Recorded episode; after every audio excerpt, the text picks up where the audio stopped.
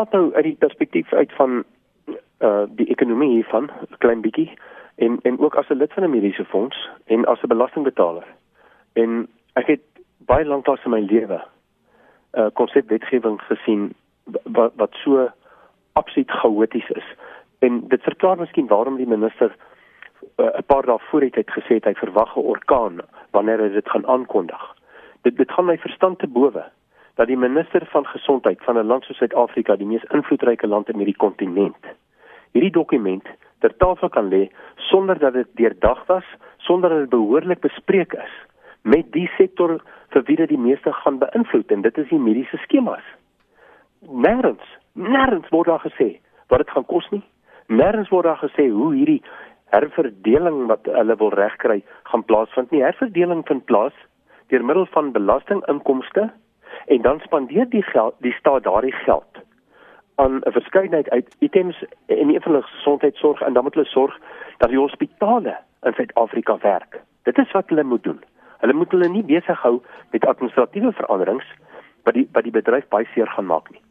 Kan ons dit bekostig? Hoe genaamd nie. Wat wat uiteindelik hier sal gebeur is dat om 'n lid van 'n mediese skema te word, sal onbekostigbaar wees tensy die regering uit die afsake uit met 'n min of meer stalinistiese benadering vorendag kom en sê dat jy sal 'n lid wees van hierdie mediese skema en jy sal soveel uh, betaal. Kan ons dit bekostig as 'n land want hy het ook gesê waar die geld vandaan kom om hierdie situasie jy weet om dit te doen dis dank van tesorie af.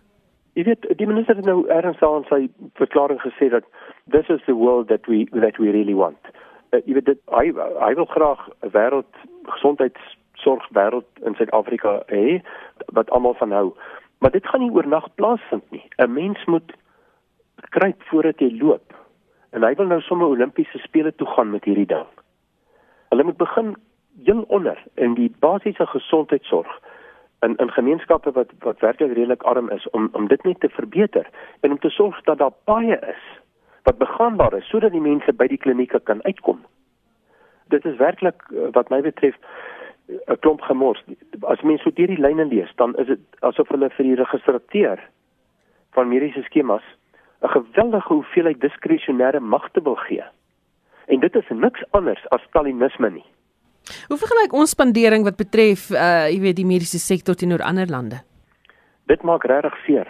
Dit maak regtig seer want ons is in die top 25 lande in die wêreld wat betref openbare sektor lees daarin belastingbetalers suspendering aan gesondheidsorg as 'n persentasie van BBP.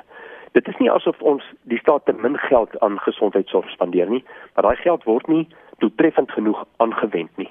Geheimhouding. Dink jy die proses is uh, geheim gehou sodat daar nie behoorlike kommentaar tot op dis of tot op hede gelewer kon word nie?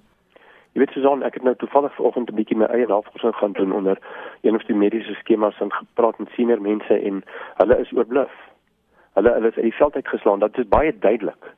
Uh, as mens kyk ook na die bewoording van van die minister se verklaringe voor en tydens en na die perskonferensie dat hulle het nou die die mediese skemas en die lede van die mediese skemas en daar is miljoene van hulle. Hulle hulle is nou nie eintlik in die prentjie nie, maar hy wat die minister is en 'n paar mense wat hy aangestel het wat waarskynlik geleer het by Cuba wat een van die armste patetiese lande in die wêreld is. Hulle sal nou besluit wat in Suid-Afrika se belang is. Hierdie is nie hoe demokrasie werk nie. En en hierdie ding gaan soveel teenstand kry in die parlement en daarna. Ek kan jou amper waarborg dat die parlementêre staande komitee hieroor gaan nie hierdie wetgewing die lig laat sien nie.